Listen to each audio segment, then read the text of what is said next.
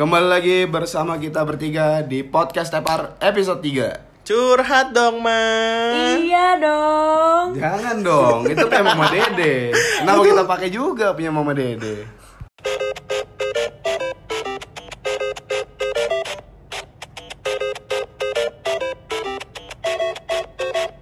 Welcome back episode 3 podcast Tepar Teropong pariwisata. Selalu template-nya begitu, nadanya begitu Ya, Iyalah. datang lagi ya kaum tepar.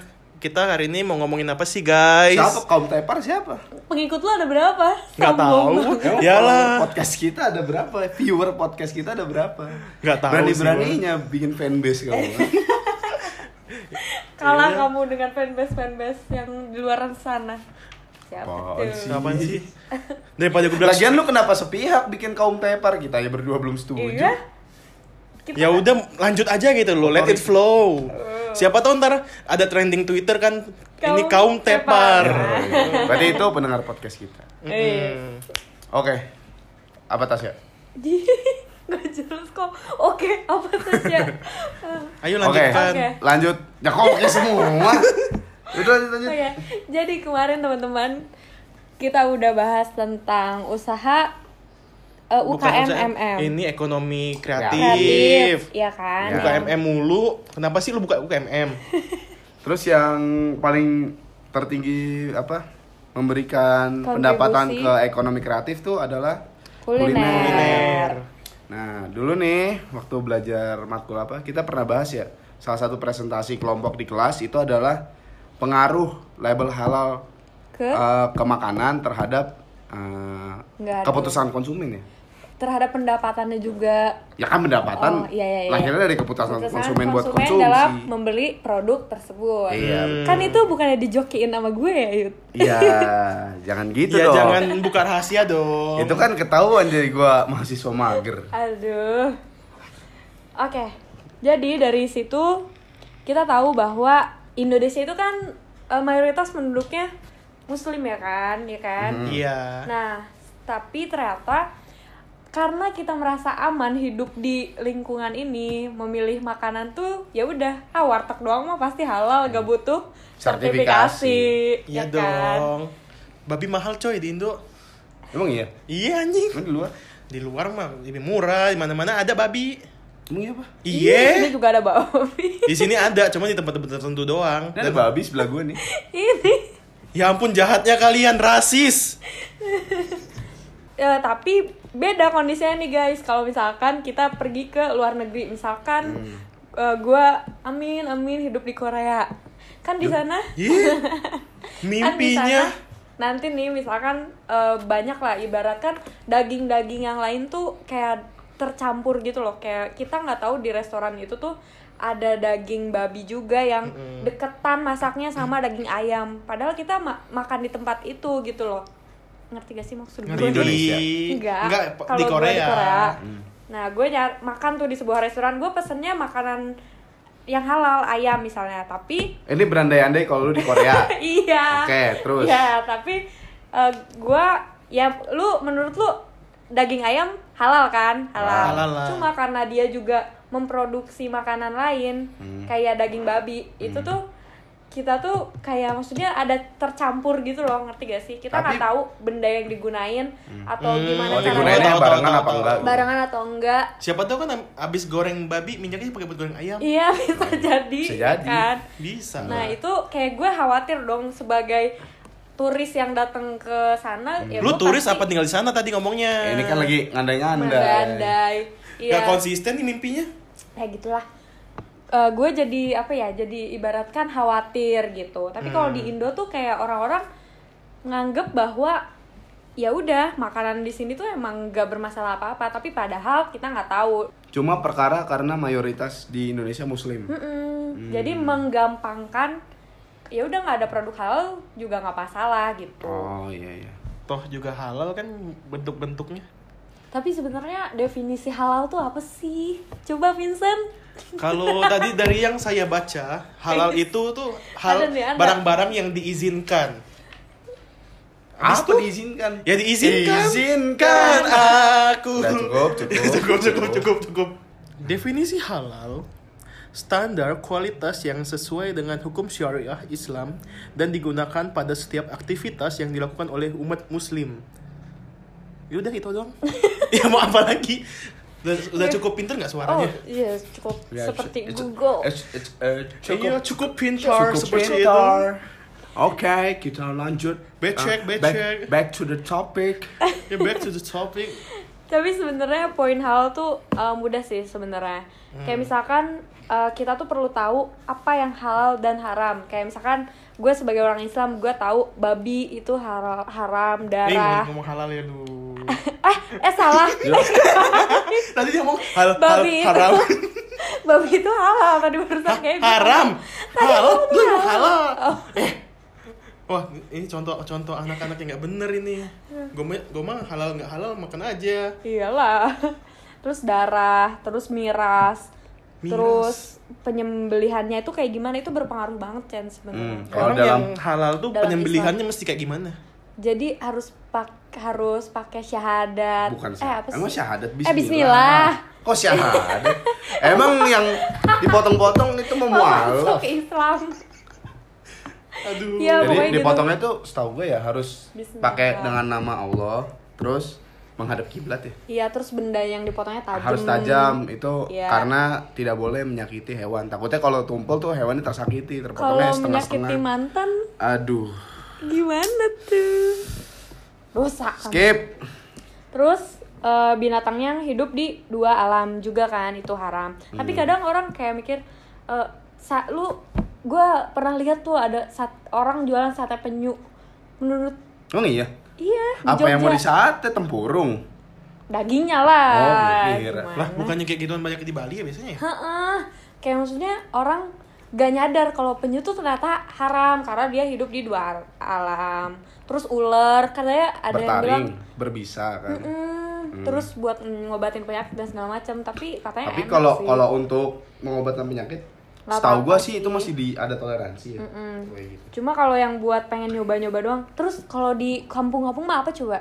Katak, sup, sup Suike, Eh, eh, suike. Ih, katak enak tau. Masih sih? Ih. Emang lu pernah makan? Makan dong. Nggak Anjir, gua aja geli banget. Tapi nggak makan semuanya kakinya doang yang di Iya, buat suike makan. kan. Iya. Geli banget gua tahu. aja gua geli, apalagi makan. Iya itu. Kadang orang nggak nggak apa ya nggak sadar aja gitu. Jadi semua yang hidup di dua alam haram. Iya, haram. Hukumnya. Haram. Haram. Bagaimana dengan kepiting? Kepiting. Halal. Ke- Kepiting kepiting Dua haram juga kan? Kepiting dua halal. Setahu gue yang halal rajungan deh. Emang kepiting haram? Ayo lu pernah makan kepiting ya? Gue juga pernah. pernah. Gue makannya rajungan. Rajungan mahal. Nah. Rajungan mahal. Iya. Kepiting dua alam gak sih? Iya kepiting dua alam. Tahu gue ya, gue pernah baca kepiting tuh katanya dua alam jadi haram. Tapi dia nggak mengandung darah. Emang iya? Emang iya? Eh nggak tahu deh. Lah, ayam mengandung darah halal? Nah, Gimana? Kan dia hidupnya di satu alam. Eh juga sih. terus. Gak tahu ya. Coba kita cari. Kepiting halal apa haram? Tahu kemarin kata Ocha sih haram. Masa? Tahu. Gue mah nggak tahu. Ocha siapa Ocha? Tahu siapa? Oke lanjut ke topiknya. Kira-kira nih, uh, seberpengaruh apa sih label halal terhadap produk kuliner di Indonesia? Maksudnya dia bisa meningkatkan penjualan atau apa? Meningkatkan kepercayaan masyarakat akan produknya atau gimana sih? Mm-mm, jadi yang kalau masalah kepercayaan tentang produk itu pasti mempengaruhi mempengaruhi konsumen. Hmm. Kenapa? Karena kayak misalkan kita ke Manse ya gak sih? Masa grill. Hmm. Ya. Dia Enak kan tuh. kayak udah banyak pesaing-pesaingnya tuh. Hmm. Nah, kalau misalkan eh Itu apa sih Korean barbecue? iya. Iya. Oh. Ih, kampung ya? Ih, kayaknya enak tuh ya habis ini. Kampung ya? Sorry, gue nggak suka opa-opa. Sorry sorry nih. Gue makan sana cuma gara-gara murah doang. Iya, gue juga. Wah, itu berarti kalian juga miskin. Gak sih gue masalah gue di ditraktir. Oh iya. Iya, jadi Kalau itu sih nggak bisa nolak. Iya nggak bisa nolak. Nah, eh, itu tuh mempengaruhi banget buat kayak kita tahu eh, ternyata ternyata si restoran itu tuh halal gitu loh. Kayak gue sebagai orang Islam di sana tuh gue sebelum masuk tuh pasti mempertanyakan, eh Tapi ada tulisan halalnya kok.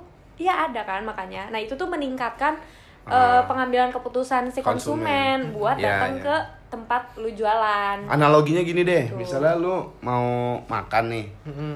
uh, random misalnya jalan nih, terus mau ke satu restoran yang lu lihat depan mata lu nih lagi di jalan, ah mau coba ke sini.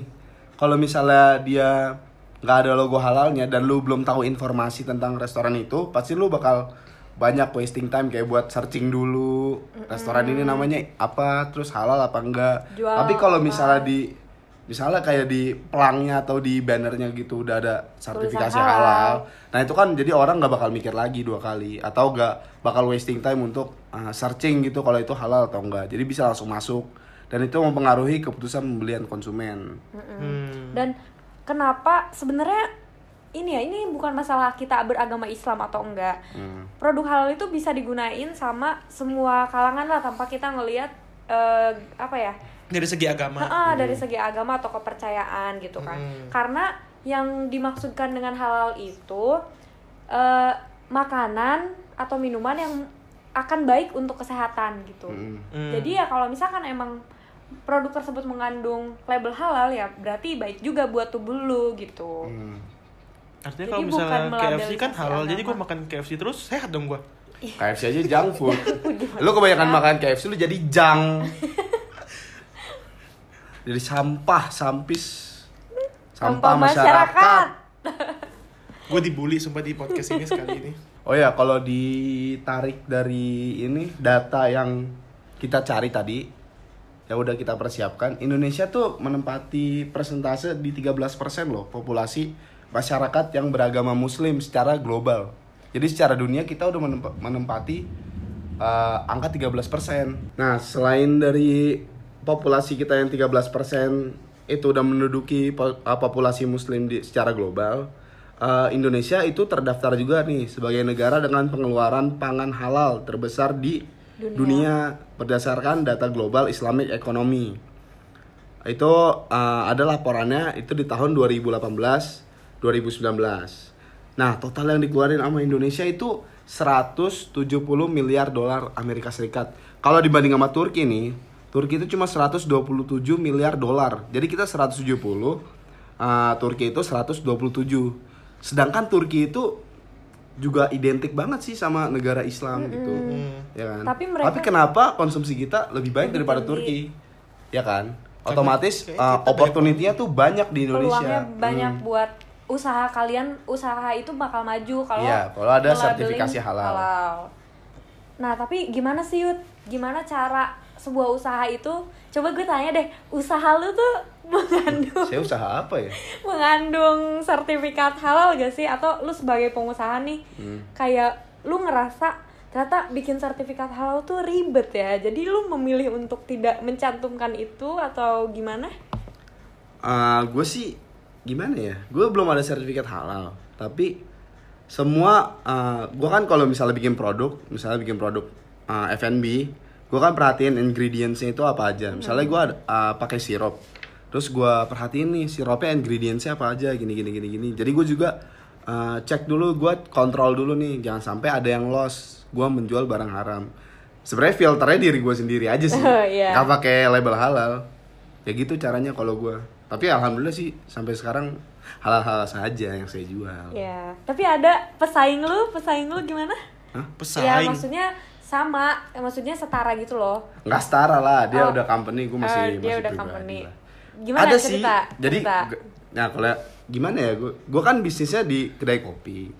Nah, kemarin-kemarin tuh ada Berita. berita beberapa kedai kopi eh, yang di isu isunya itu adalah menggunakan Bahan alkohol. alkohol. Nah, Hmm. Ada dua brand nih. Yang satu emang ada ditulis ada kandungan Baileys-nya. Baileys itu salah satu minuman Chan ya.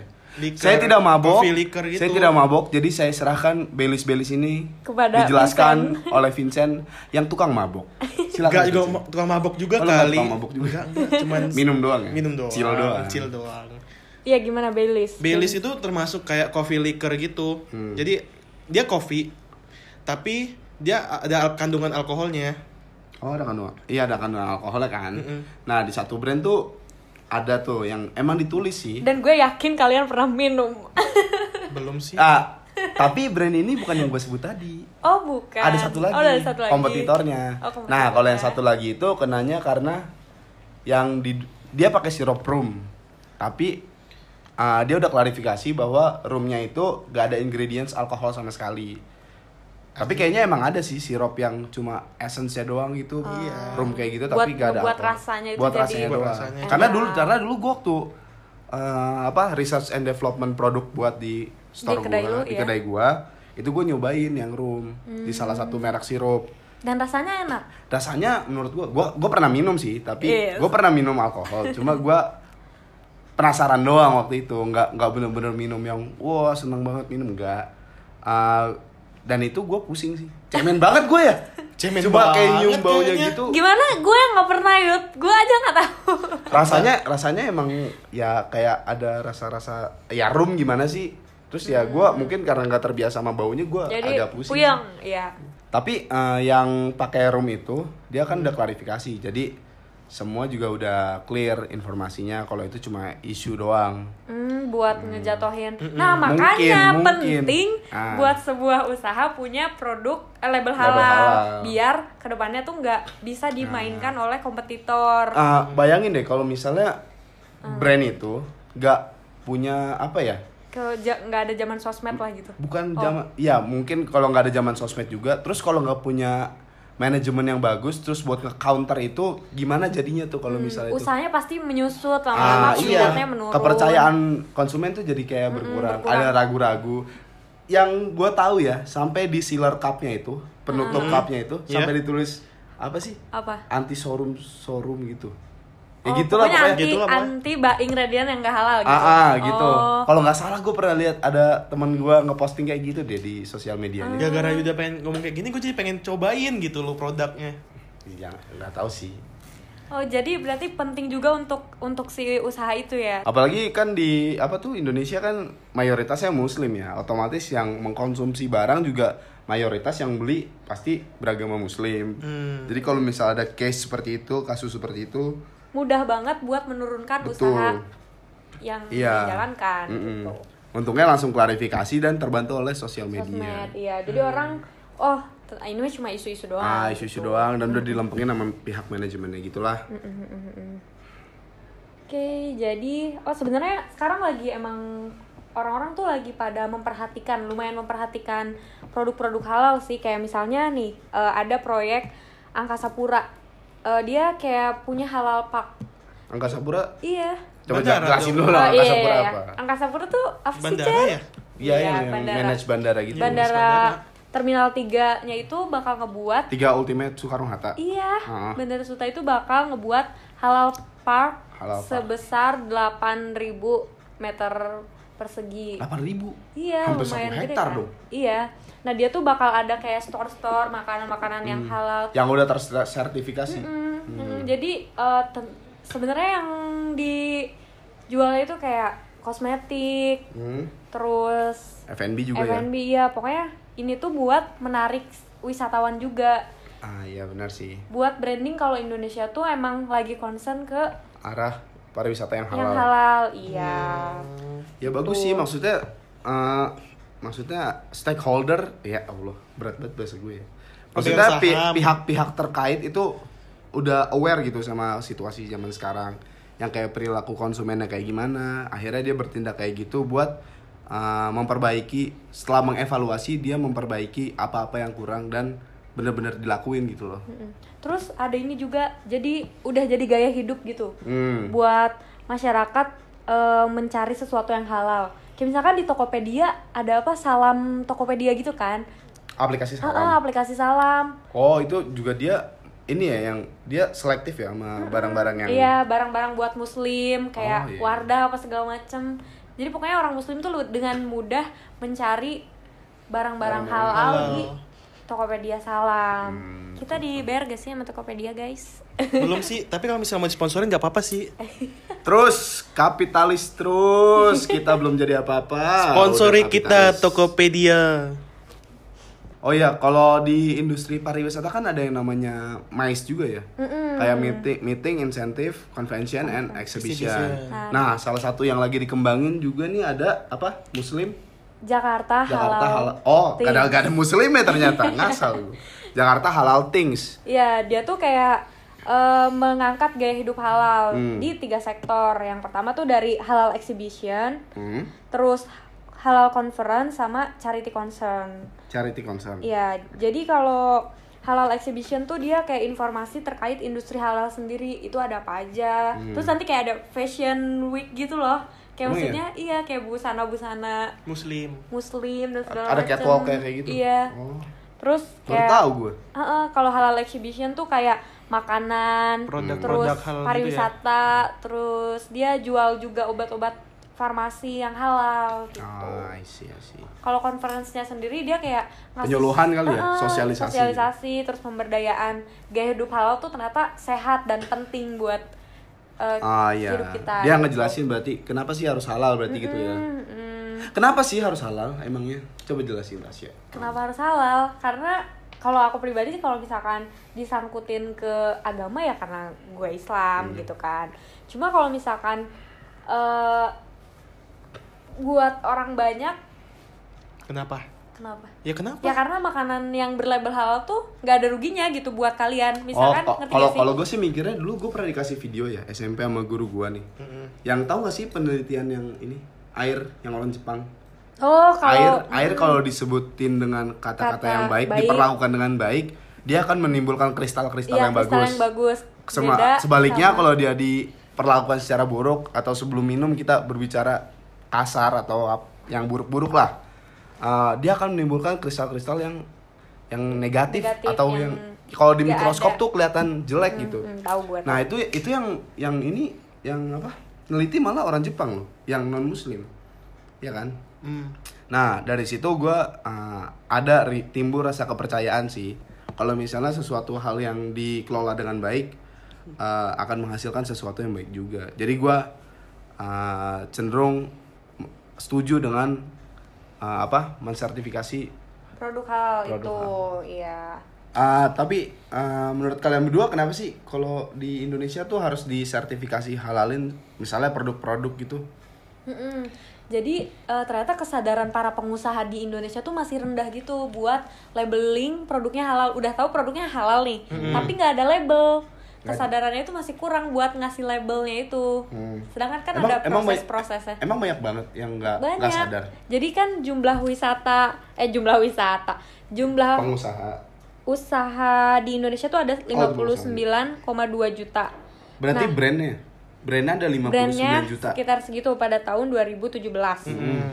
Nah, cuman 12.000 usaha yang memiliki sertifikasi halal. Berarti cuma 10 persennya doang Hmm. dari pengusaha-pengusaha yang ada di Indo Hmm. yang punya sertifikat halal. Oh iya sih, gue juga pernah pernah baca sih katanya kalau yang kayak gitu-gitu tuh menghambar eh menghambar menghambat jalur ekspor impor di Iya. dari Indonesia keluar gitu. Iya, soalnya kayak suka ditolak gitu ya, gara-gara dia Iya, iya, sertifikasi halalnya masih belum kredibel. iya, iya. uh-uh. Jadi ya gimana berdampak juga sih sama bisnis seseorang kalau misalnya ya lu mau ekspor nih keluar, lu tahu kualitas barang lu bagus, tapi cuma karena sertifikasi halal lu ketolak gitu. Padahal produk lu ini bisa bersaing di internasional. di internasional. gitu. Nah, itu pentingnya kenapa lu harus laluin lagi nih satu tahap, satu langkah buat melakukan sertifikasi halal agar produk lu bisa go internasional beneran. Hmm, Tapi kan kata yang tadi gue baca gini, sertifikasi halal tuh agak ribet loh ngurusnya. Soalnya kalau misalnya udah mau berapa habis berapa jangka waktunya, terus mau disertifikasi lagi kan, Oh Iya, iya, iya, harus dua diperpanjang. tahun. diperpanjang. Per dua tahun. Iya, karena gini loh. Tapi buat dampak bisnis kita tuh kita kayak cuma bayar beberapa berapa duit doang, Hmm. tapi eh, dampak ke Besar ya? usaha Eh, kita emang- itu emang gede. berapa- Berapa berapa- emangnya? 5 juta. Wow. Ya tapi kalau misalnya lu Lu uh, pengusaha di- gede. Eks- Iya, sih. iya lu kalau misalnya mau ekspor barang, misalnya punya barang berkualitas mau ekspor, terus lu 5 spend juta mah spend 5 juta buat itu, terus impact buat income lo tuh lebih besar lebih jauh. besar, Iya iya. sih, bisa juga sih. Iya, itu kan maksudnya worth, worth Kalau it lah. buat orang yang pengusahaan mah 5 juta nggak ada apa-apa kayak beli cireng, guys. Iya benar. Beli cireng 5 juta, gila lu. Mandi lo kayak cireng. Berenang pakai cireng.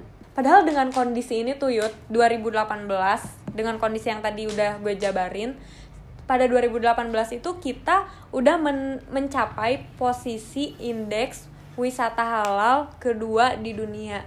di dunia. Iya, dengan kita nggak sadar, maksudnya tidak tidak sadar dengan kondisi-kondisi halal, label halal dan Hmm. di segala macam. Iya, gara-gara mayoritas kali ya.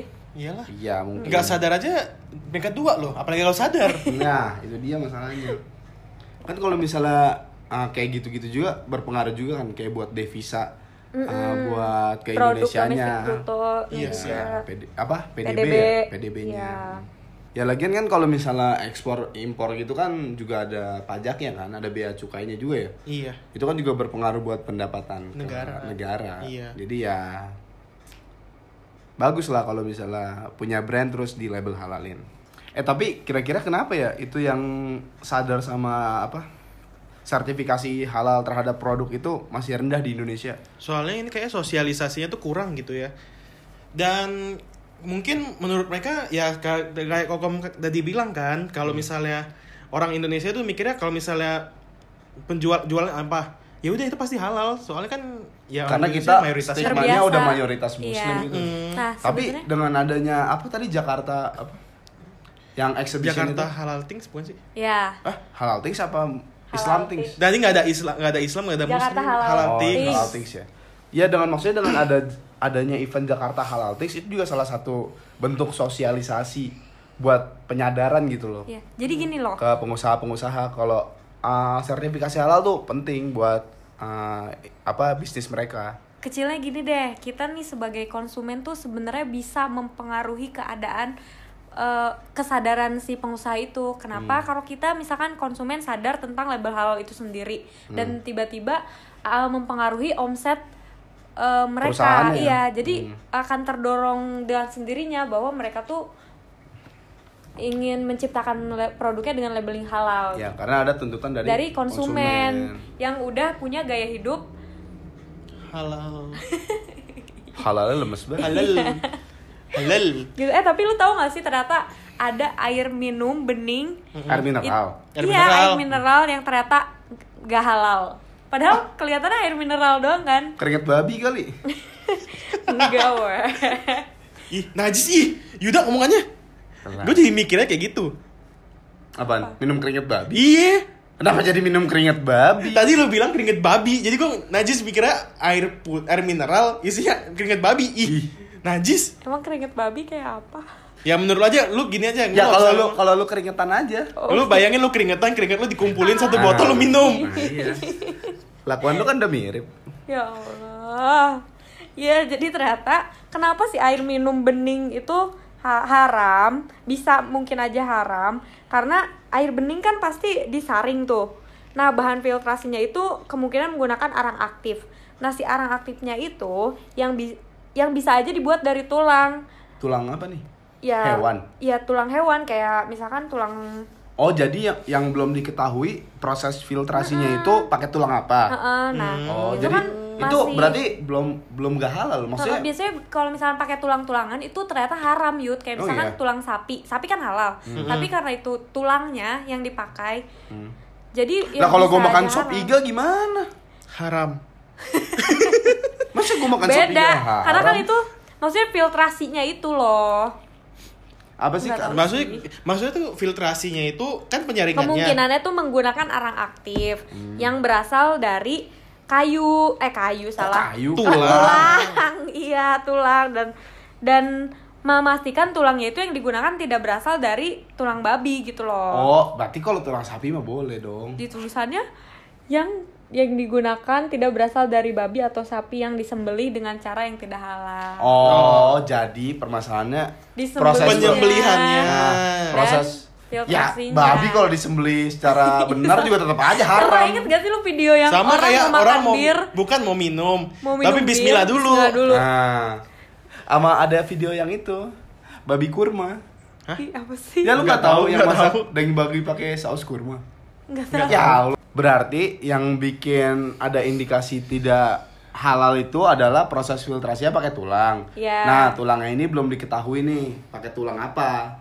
Gitu Bisa kan? pakai tulang babi. Ah, Kalaupun takutnya, pakai tulang sapi yang halal, sapi kan halal. Ah. Tapi karena penyembelihan si sapinya Berarti itu yang nggak tidak pakai kita bismillah. ketahui, yang tidak kita ketahui adalah proses penyembelihan sapinya sehingga takut membuat Benda tulang itu, jadi haram. Kayak misalkan gini loh, kayak kalau beli sosis Hmm. dia kan pakai motong-motong penyembelihannya itu Kenapa? Pakai bi- apa sih? bisa aja pakai apa mesin apa segala macam Iya, hmm. dia kan nggak pakai Bismillah Hmm. itu gimana Ya nggak tahu. Kayak kayaknya kalau pakai mesin, kalau menurut gue ya, mesin kan cuma alat bantu ya. Tapi kalau misalnya tetap ada harus harus ada yang ngawasin gitu loh maksudnya. Ada sumber daya manusia yang harus ngawasin dan sumber daya manusia itu paham bagaimana proses uh, penyembelihan yang benar. Jadi yang nyebutin yang nyebutin ya manusianya Bismillah. Iya. Bukan tiba-tiba mesin Tiba-tiba mesinnya ada speakernya bilang Iya. pas motong Bismillah, Bismillah. Bismillah, Bismillah. Masa emang mesinnya ada Siri? Emang ada Google itu, Google Voice di mesinnya pakai bismillah bismillah. Berarti pas penyembelihannya ya kan harus Hmm. setidaknya si pemotong ngucapin Bismillah dulu Mm, Meskipun pakai mesin, jadi jatuhnya mesin tuh cuma alat pembantu aja gitu loh. berarti proses pelabelan halnya itu gimana yud Apanya? ya maksudnya persyaratan berarti kan itu ada maintenance gitu dong Maintenance apa? kayak Maintenance ya coba lu coba lu kasih tahu ke gua gimana cara orang buat bikin sertifikasi halal alurnya secara birokrasi Tadi sih gue baca cepet ya. Itu sih dia punya 7 step gitu loh. 8. 7, 7 apa 8 sih? 8. Kok gue baca 7 ya? Tadi gua baca 8. ya pokoknya segitulah ya Oh mungkin lu MUI Turki kali. Ya Majel- ampun. eh, M- MUT lu Majelis Ulama Turki. Gue MUI. Kurang jauh juga ya. Ya, kalau nggak salah sih proses ya itulah antara 7 atau 8. Tapi menurut gua ya itu proses birokrasinya lumayan lama karena harus ada audit, ada gitu-gitulah. Ada maksudnya kita pengajuan dokumen dulu, nanti ada audit lagi, segala macam. Terus dokumen yang harus dilampirin tuh banyak. Jadi misalnya nih, lu yang gua tangkap dari gua baca tadi ya. Misalnya nih, kan eh, misalnya gue bikin es kopi susu nih satu produk. Um, ini satu menu ya, es kopi susu. Ingredientsnya ada kopi, ada susu, ada gula, ada plastik yang buat tempat dia kan, tempatnya. Nah itu tuh semua harus diinspeksi, harus diaudit gitu loh. Itu lu bayangin cuma satu menu. Lu bayangin kalau menu lu ada berapa dan semua harus diinspeksi semua. Aduh, itu sih ya, emang perja ya.